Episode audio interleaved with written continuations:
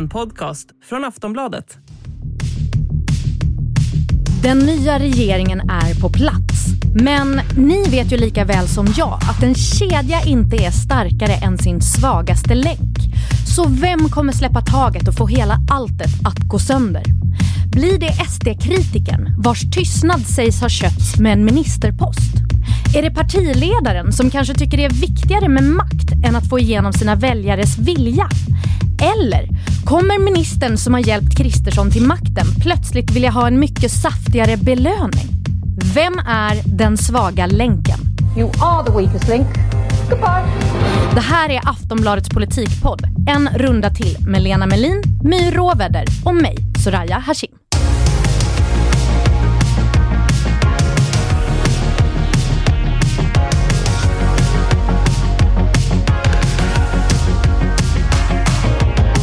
Hallå Lena och My. Hej. Hallå Soraya.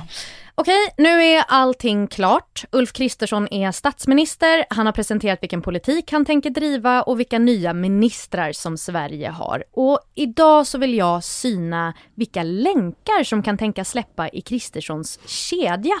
Som då består av Moderaterna, Kristdemokraterna och Liberalerna med stöd av Sverigedemokraterna. Och man behöver väl kanske inte vara en Lena Melin eller My Råväder för att kunna se med ögonen att den rostigaste, sköraste lilla öglan i kättingen med stor sannolikhet heter Liberalerna. Har jag så fel? Nej. Nej. Det är så skönt att ha rätt. Nej men snälla, mitt liv blir 2000 procent bättre när jag får ha rätt. Så här. Vi börjar med att titta på politiken då. Om ni tänker på det som står i Tidöavtalet och det som Ulf Kristersson presenterade i regeringsförklaringen i tisdags. Exakt vad är det Liberalerna har fått igenom? Alltså de, de ja det är inte jättemycket, Eh, det kan man inte säga, men, men de har ju fått igenom det här med screening av småbarn, om de kan svenska eller inte. Om de inte har det, kan det så ska de iväg på någon slags språkutbildning. Vad skönt. Mm. De har ju stort sett blivit ett enfrågeparti och eh, fått igenom skolfrågor och inte så mycket mer och det är ju också lite luddigt exakt vad det betyder. De säger ju själva nu att det första de ska göra det är att de ska få, få mer ordning i klassrummen. Eh, Och det känns ju som att det behövs mer information för att veta exakt hur det ska gå till. Ja, det är otroligt luddigt. Mm, det är mycket luddigt. Ja. Hjälp. De älskar ju flumskolan. Nej förlåt, det var inte Liberalerna. Skojar. Jan Björklund, var är du nu? Men så här, hjälp mig förstå, för jag såg en sak på Twitter som, som jag stannade upp vid. Och det var att någon sa att Liberalerna hade fått igenom mer politik om de inte hade satt sig i regeringen, eftersom mycket av det de vill driva hade Socialdemokraterna ändå röstat ja på. Ligger det någonting i den analysen? Alltså jag tror det var jätteviktigt för dem att sitta i regeringen, eh, därför att det var på något vis en, ett bevis för att de var tillbaka på banan på, in, och inte låg på 2% hela tiden, som de gjorde under, under flera år under Nyamko Sabunis partiledartid. Så jag tror inte att det fanns på kartan faktiskt.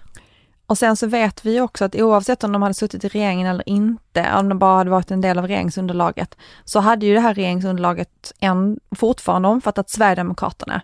Och för att försöka stävja den här liksom konvulsionen inom Liberalerna, eh, eftersom man in, fortfarande inte är överens om man ska ställa sig till Sverigedemokraterna inom partiet, så behövde de ju visa på framgångar och den största framgången var att få sitta i regeringen. Och det var ju också ett sätt för Ulf Kristersson att ta kontroll på Liberalerna, eh, så att det inte så att även de här upproren inom partiet skulle kosta partiet för mycket att ha, liksom, så att det går ut över eh, regeringspolitiken. Men samtidigt, alltså i och med att det är så tajt mellan de olika blocken, om Liberalerna hade gjort en eh, Centerpartiet, säger vi, och bara ställer sig utanför och säger vi stöttar inte det här, eh, så hade de väl egentligen kunnat få igenom mycket mer politik, faktiska saker som de vill genom att inte släppa fram för de har ju också hela vägen sagt att de inte vill att Sverigedemokraterna ska få så mycket makt som de har nu. Fast de hade ju Ulf Kristersson som sin statsministerkandidat. De hade ju behövt, alltså någon måste ju bli statsminister. Så att de kan ju inte inte släppa fram någon alls. Då får de ju inte heller igenom politik. Men jag tror att man ska se det som ett mått på deras angelägenhet, alltså hur angelägna de var om att sitta i regeringen på hur lite de har fått ut. Dels i sakpolitik som du var inne då med dina frågor alldeles nyss. Sen är det ju så att de också styvmoderligt behandlade när det antalet statsråd och antalet eh, de- departementschefer. Eh, De har en statsråd mindre, eller det är en färre än vad Kristdemokraterna har, trots att partierna är nästan lika stora. Och de har också, eh, de är bara chef för två, Liberalerna är chefer för två departement, Kristdemokraterna för tre. Och eh, eh, det, det här var uppenbarligen viktigare än jättemycket annat för, Sverige, för Liberalerna. Men då, alltså jag kan inte låta bli att ställa frågan då, liksom, är det viktigare för Liberalerna att ha makt eller att driva sin sakpolitik? Det är två, saker av, två sidor av exakt samma mynt. Har man ingen makt så får man inte igenom sin sakpolitik. Och igen då hamnar jag i så här, men hade de inte kunnat vara en tyngre tunga på vågen? Men tyng, alltså tunga på vågen till vad? För att de hade ju ändå, det hade ändå blivit Ulf Kristersson och då hade de istället stått utanför en regering som hade blivit stötta, eh, som, som eh, de hade behövt stötta. Jag skulle säga att de hade blivit mer kanske Vänsterpartiet än Centerpartiet, alltså ett parti som stödjer utan att få särskilt mycket utdelning för det. De, de tjänar ju mer på det här. Det här är ju en större vinst än om man hade bara, bara varit ett stödparti. Och sen så ska man ju komma ihåg att regeringens politik begränsar sig ju inte till uh, Tidöavtalet, utan det är ju de sju samarbetsområden som den sittande regeringen har med, med Sverigedemokraterna. Sen kommer det ju dyka upp en miljon andra grejer eh, som inte omfattas av det här avtalet och då har vi ingen aning om vad de kommer att få för genomslag för sina idéer. Så det kan ljusna för Liberalerna? Eh, ja, Ja. Det kan också mörkna, man vet inte. Den som lever får se. Världen är deras ostron just nu. Så positivt. Du var inne på det här, Lena. Liberalerna fick fem ministerposter och en av dem som hittills fått mest utrymme i media är nya klimat och miljöministern, Romina Pourmokhtari, tidigare ordförande för Liberala ungdomsförbundet. Och en jätte, jätte, jättekritisk röst mot att Liberalerna skulle samarbeta med Sverigedemokraterna. Elaka tungor har sagt att hon fick den ministerposten för att lyda partilinjen och inte ställa till med trubbel i kammaren. Vad tänker ni om det? Det tror jag inte. Det var den en- enda anledningen till att hon blev minister. För så dåligt underlag för att, för att erbjuda en människa att bli minister i Sveriges regering, det, det finns inte. Nej. Är det att du inte vill att det ska vara så? Nej, jag tror faktiskt att om vi tar ett annat exempel som där en oppositionell människa så att säga sitter i regeringen nu är Niklas Wykman som blev finansmarknadsminister och är moderat och har tillhör en falang som brukar kallas för pojkarna. Och eh, jag tror inte att avsikten med hela den här utnämningen är att eh, han ska hålla käften eller täppas till, utan att han faktiskt klarar av sitt jobb. Men hur ska... Alltså det verkar vara lite upprörda stämningar kring Romina, att, eh, att hon eh, ställer upp på att bli minister samt i liksom en regering som stöttas av Sverigedemokraterna. Liberala ungdomsförbundet verkar ju inte så glada på henne. Hur tror ni hon själv tänker? Nej men vi vet ju hur hon tänker. Hon har ju fått den här frågan jättemånga gånger de senaste dagarna och hon menar att det här är, hon kan ändå uträtta någonting i en, regering till skillnad från om man står utanför. Och det är ju sant.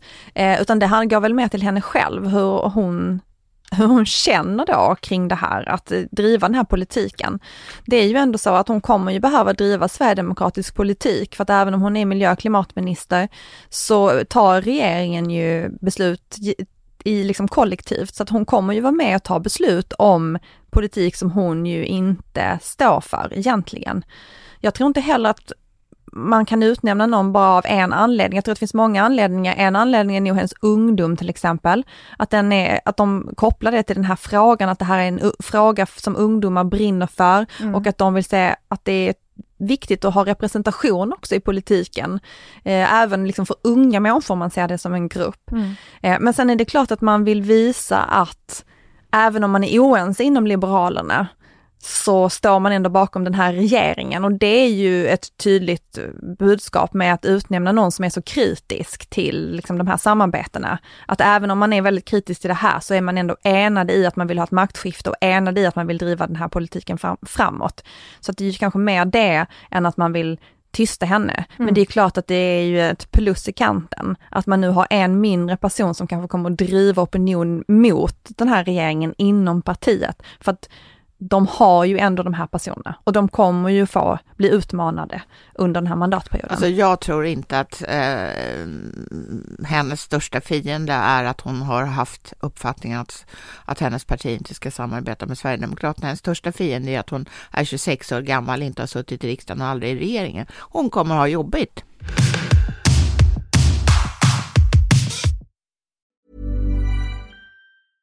Ready to pop the question? The jewelers at BlueNile.com have got sparkle down to a science with beautiful lab grown diamonds worthy of your most brilliant moments. Their lab grown diamonds are independently graded and guaranteed identical to natural diamonds, and they're ready to ship to your door. Go to BlueNile.com and use promo code LISTEN to get $50 off your purchase of $500 or more. That's code LISTEN at BlueNile.com for $50 off. BlueNile.com code LISTEN. Utöver Rominas ministerpost så fick ju Liberalerna fyra andra ministrar i regeringen. Arbetsmarknad och integration, utbildning, skol och jämställdhetsminister. Hur saftiga är de här posterna? Jag är faktiskt lite förvånad över, för att jag utgår ifrån att Johan Persson kunde välja ganska fritt eh, vad han vill, vilket departement han ville sitta på. Och det här kommer ju vara ett jättejobbigt ställe att vara på under den kommande lågkonjunkturen med ökande arbetslöshet. Ja, han och, tog arbetsmarknad och integration. Ja, ja och ja. det ska han hantera. Och det, det, det kommer nog att, ja, det brukar inte vara kul för en arbetsmarknadsminister att gå i en lågkonjunktur att ständigt få kommentera högre arbetslöshetssiffror och ökande långtidsarbetslöshet. Är han up for it, tror du? Alltså han, han har ju en positiv syn på livet. Det, det, det kan ju vara till fördel i sådana här sammanhang, det måste man ju säga. Mm. De andra posterna var ju mer väntade mm. egentligen. Att de ensamma på utbildningsdepartementet. För det är ju en profilfråga och det kommer de väl att försöka visa framfötterna nu under den här mandatperioden också. För att visa, alltså de vill ju ta tillbaka skolfrågan. Det var ju en av de sakerna som Johan Persson gjorde när han blev partiledare. Men ni har ju pratat en del om att portföljen ska vara tung, att man har liksom tunga portföljer, att det, det, det finns liksom en, en umf i vissa ministerposter som är värda lite mer. Just de här som de fick, hur tunga är de i jämförelse med de andra? Alltså utbildningsdepartementet är ju tungt. Okej. Okay. Uh, det, det, kan ju också arbetsmarknadsdepartementet vara, men mm. det beror ju mera på de vad, bara... det är för, vad det är för konjunktur. Så jag skulle bara vilja tillägga, han fick ju också integrationsfrågor, Johan Persson. Ja. Och där har han ju pratat hela valrörelsen om det här med vikten av att både ha en, en, en stålklo och en Lovikkahandske. Och det är väl det han ska använda där på departementet, just den, det området. Ett finare sätt att säga sött och surt. Sött och salt som man sa. Ja. Herregud. Det är ju han som kommer driva den här då arbetslinjen, att det är ju väldigt mycket av den här nya migrationspolitiken som handlar om att man ska kunna försörja sig själv och att arbeta är en väg in i integrationen. Så på det sättet kommer han ju vara en viktig del i den här eh, eh, paradigmskiftet som den här regeringen beskriver att migrationspolitiken ska genomgå. Mm. Och eh, också segregation, för det är det han ser ju en koppling där. Mm. Just det. Men, så han kommer synas och höras, han kommer få liksom mycket att göra. Men nu när vi har suttit och klämt på den här länken då i Kristerssons kedja, hur svag är den egentligen?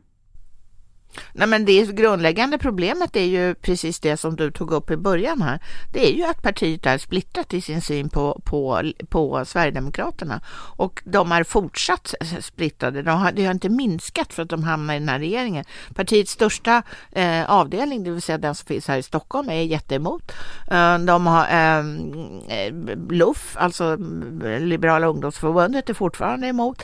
Stockholmsavdelningen har krävt att man ska ta upp det här samarbetet i ett ex extra partiråd eller på landsmötet i november.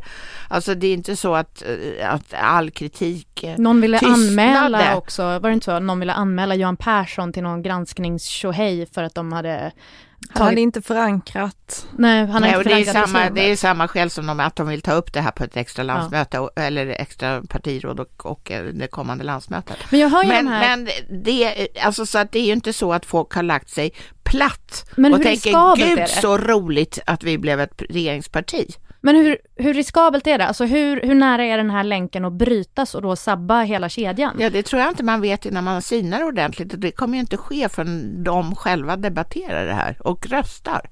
Och det kommer ju också handla om för att man ska ju sen få igenom sin politik i riksdagen och då finns det ju enskilda frågor som Liberalerna i riksdagen kanske skulle kunna vara missnöjda med. Alltså det handlar ju om hur mycket kontroll har man på den här gruppen. Ulf Kristersson är ju bara liksom två eh, liberala poster riksdagsledamöter från att liksom få, inte få igenom sin politik.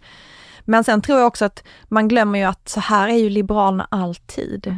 Jag tror att det är, liksom, det är nog ingen krisstämning i partiet bara för att de är oense, utan de är ju alltid det. Och det är en av de grejerna som de menar är en styrka för sitt parti, det är ju transparensen för in, interna liksom, konvulsioner och transparensen för att man bråkar och är oense, att det är liksom en del av demokratin. Så att jag tror inte att de är, blir stressade på det sättet som ett annat parti skulle bli. De är av att det, vana. de är väldigt vana Ja. vid det här och de, den här konflikten, den är ju så tydlig. De vet ju exakt vilka människor det är.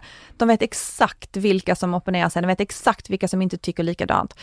Men vi såg ju i riksdagen, det var ju statsministeromröstning nu i veckan också om Ulf Kristersson. Och då såg vi att alla liberalerna höll ju partilinjen. Så att när det gäller så kommer det nog ta ett tag innan det börjar liksom krackelera på riktigt. Vi går vidare till nästa länk, Kristdemokraterna. I måndags när Ulf Kristersson skulle röstas igenom som statsminister så gick Nooshi Dadgostar upp i talarstolen och sa saker. En av de sakerna var detta. Herr talman, sämst i slåssförhandlingarna har det gått för Kristdemokraterna och Ebba Busch. Det finns inget annat än planer, kartläggningar och utredningar. Ingenting som kommer att genomföras på riktigt förstås, utan det är sånt som passar sig väl på presskonferenser. Har hon en poäng i det här? Ja, Förlåt, kan vi prata om det här roasten av det- regeringsunderlaget? Alltså gud vad alla älskar den Det här var kul. roasten. Det var roligt. Alltså, jag satt utanför kammaren och det stod ju eh, en eh, hord med tjänstemän från partierna, alltså från Kristdemokraterna, Liberalerna, Moderaterna. Hur såg de ut? Det skrattades. Ja, de tyckte det var Det kul. var ju oemotståndligt. Det var ju oemotståndligt. De försökte liksom hålla, du vet, hålla masken.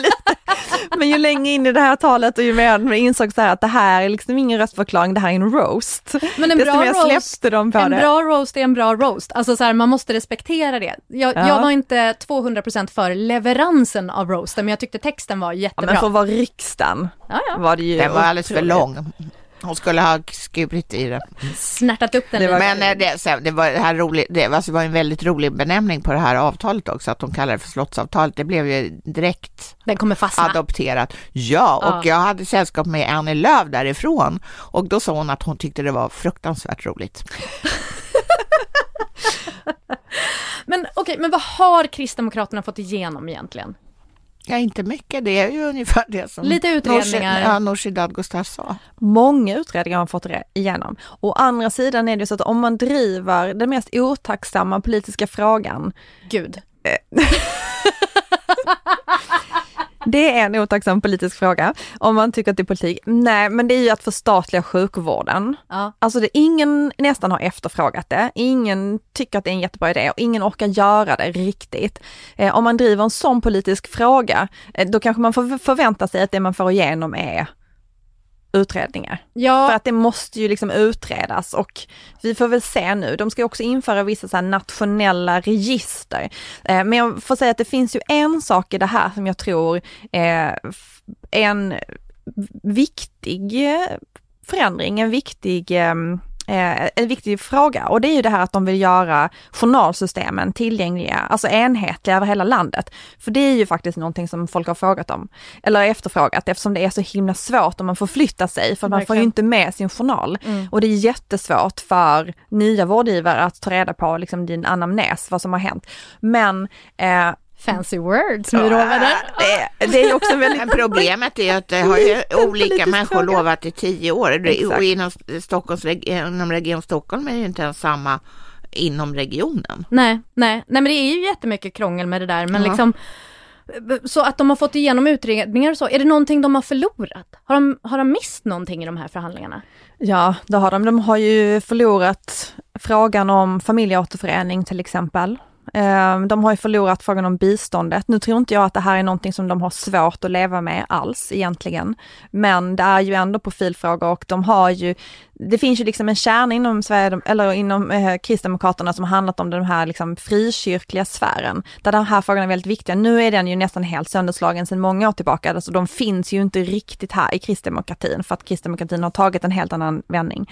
Eh, men de få som fanns kvar tycker nog att det är ganska hårt att man, de här liksom kärnvärdena, familjen som är så viktig för kristdemokratin, eh, att de nu urholkas ytterligare. Men nu känner jag lite samma som i Liberalerna, att här, här låter det som att maktpositionen kanske väger lite tyngre än politiken. Men eller? jag måste säga att eh, liber- din ursprungliga fråga för hela programmet är vilka svaga länkar har regeringen? Mm. Kristdemokraterna tillhör inte den Nej. kategorin. De är oerhört nöjda med att vara ett regeringsparti. Att det är, det är Ulf och Ebba som, som styr, står vid ratten.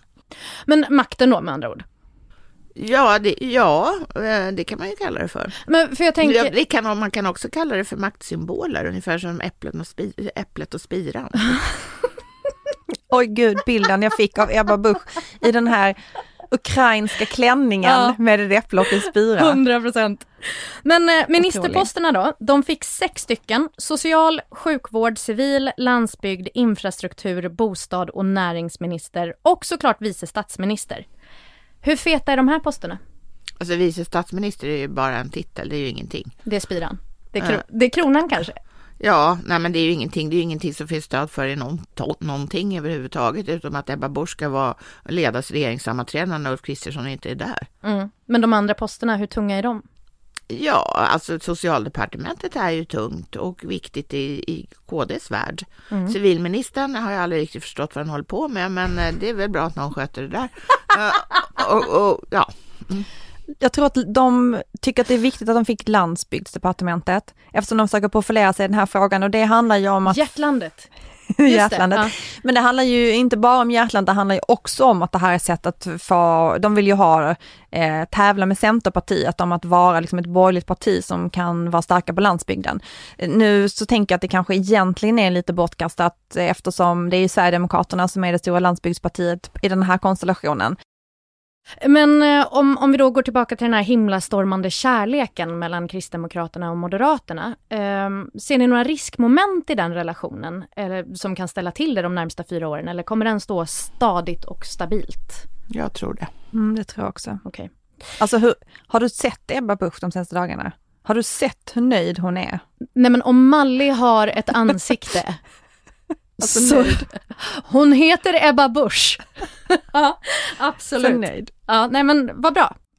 Så den här kristdemokratlänken i Kristerssons kedja, jag hör att ni säger att den är stark och stabil, det är ingen rost på den.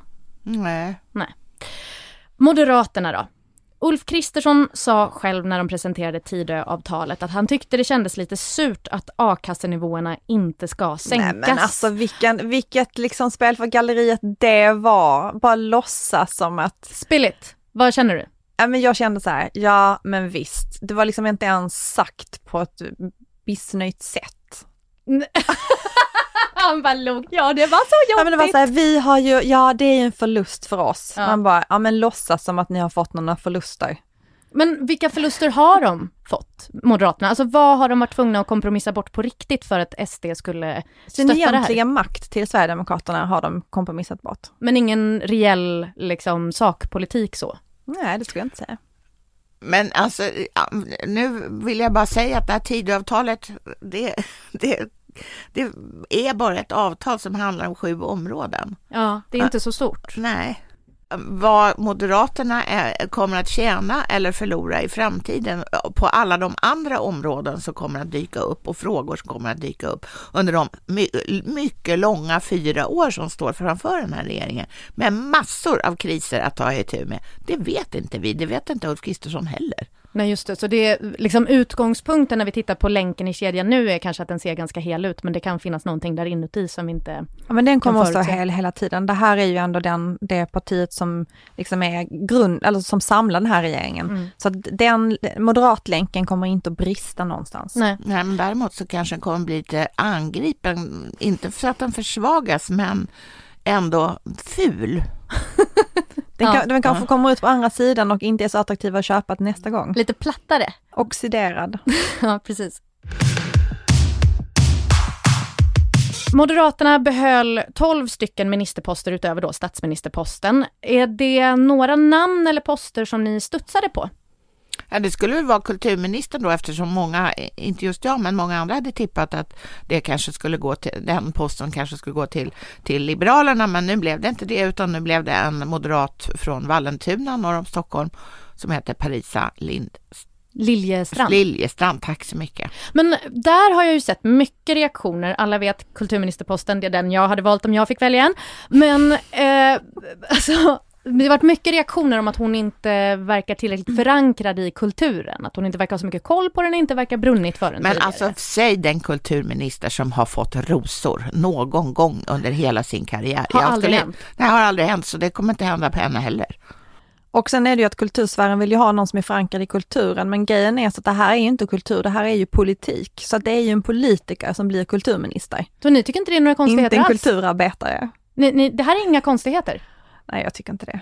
Men sen så det man för övrigt kan säga om Moderaterna, det är ju att de har lagt beslag på väldigt många centrala poster. Och det är ju inte så konstigt, för då är man så att säga regeringens ryggrad, så vore det ju väldigt märkligt om man inte la beslag på väldigt många tunga poster. Mm. Men eh, inom Moderaterna, hur är stämningen? Finns det något snask eller skvaller som tyder om att det kanske kan vara lite sprickor? Jag kan tänka mig en som inte riktigt var helnöjd med sitt nya jobb är Johan Forssell som har varit eh, då batongtalesman för Moderaterna i, i flera år. Nu hamnade han på att få ta hand om biståndsfrågor på UD. Ja, just det, han fick bistånd och utrikeshandel. Ja, men det sköter EU så det behöver inte han ägna sig åt. Men han kommer få klippa jättemånga band Så duktig. och det är ju trevligt. Det är så svårt med sax. Jättesvårt. Han är så duktig. Okej, men så jag, jag hör i alla fall inte att det finns några problem i den länken heller egentligen. Så, så sammanfattningsvis, det är Liberalerna lite grann som är risken här i kedjan. Ja, men sen har de ju ett parti som de samarbetar mycket nära med och det är Sverigedemokraterna och det är, är ju ett fortfarande oprövat parti när det kommer till att ha så här mycket makt. Mm. Det är ett parti som kantas av skandaler ständigt. Är det ett parti som eh, gärna framför kritik, slänger ut lite saker och sådär.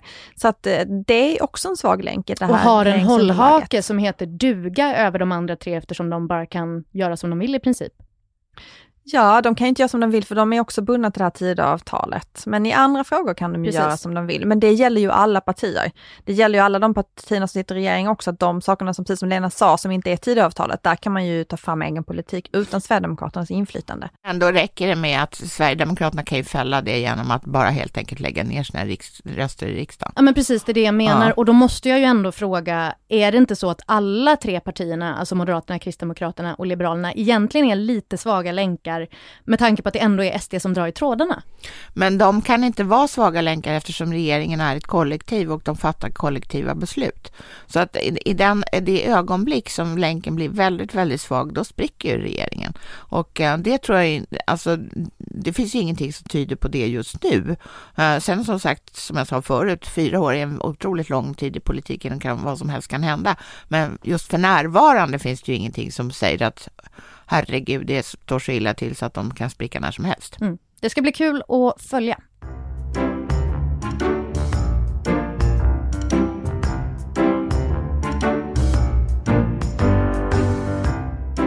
Utöver Uffe har vi som sagt 23 nya ministrar. För mig och säkert många av lyssnarna är det många nya ansikten att lära oss. Så jag har några snabbfrågor till er om de här nya ministrarna. Vem är mest trolig att avgå inom ett år? Jag tror inte någon kommer att försvinna inom ett år, jag tror det tar längre tid att eh, både vilja lämna eller att någon annan vill att man ska lämna en post. Okej, så ingen. Jag tror inte någon. Vem har störst skelett i garderoben? I wish I knew. Frågan har ju ställts. Det gör den ju alltid som vanligt när det kommer en ny regering och eh, jag vet att SVT frågade alla ministrarna och det kom liksom inget saftigare än någon typ fortkörning, någon sånt där. Men, men det, på, på Twitter i alla fall så viskas det om att det finns lite större saker.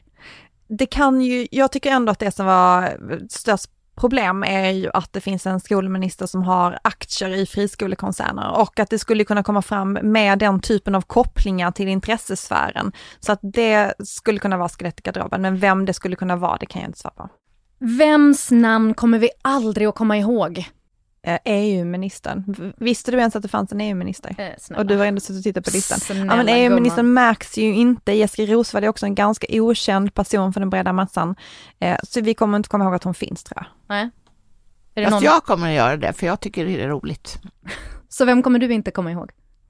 Ja, Någon du inte kommer alltså Eriks, eh, Erik Slottner ligger eh, nära till hans att glömma bort. Inte för att han är en, en oviktig person, men just civilministern brukar ju inte göra sig bemärkt i någon högre grad. Ehm, vilket namn fick er att börja googla mest? Parisa Liljestrand. Parisa Liljestrand, var det samma för dig Lena? Nej. Eller ja, det kanske var, men jag, jag, det måste jag ju faktiskt, det är ju pinsamt att erkänna, men Jessica Rosvall var för mig en okänd person. Men nu kommer hon ju bli din eh, mest intressanta Ja, minister. precis. Hon har gått från 0 till 100. det går fort. Vilken av ministrarna myste mest hos kungen på konseljen? Jag var ju där på den där öppna delen av konseljen. Alltså Elisabeth Svantesson hanterade inte att möta kungen och kronprinsessan på ett särskilt värdigt och samlat sätt. Det var många som tyckte att det här var svårt. Det är så intressant att se när, när människor som är vanliga träffar kungligheter. Jag ska inte säga, jag fick inte träffa kungen och kronprinsessan så jag kan inte säga hur jag själv ska reagera. Men det var mycket, mycket djupa bockning, bockar, nigningar, fnitter eh, och liksom så här, titta så här stirrigt på varandra.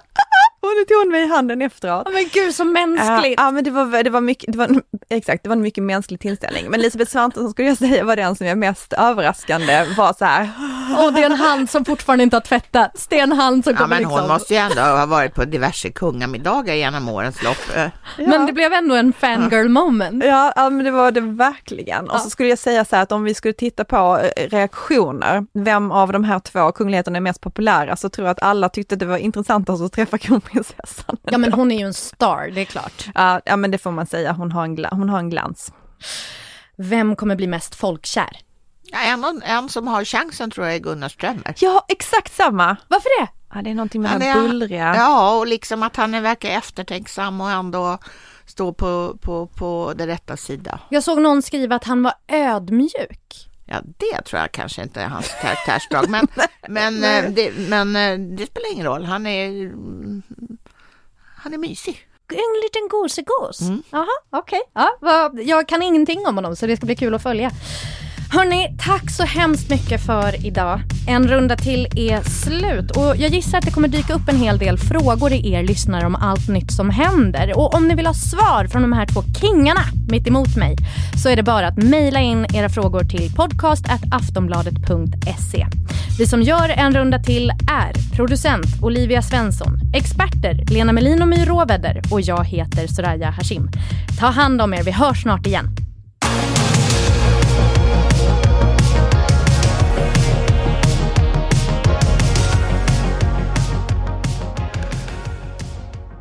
Du har lyssnat på en podcast från Aftonbladet. Ansvarig utgivare är Lena K Samuelsson.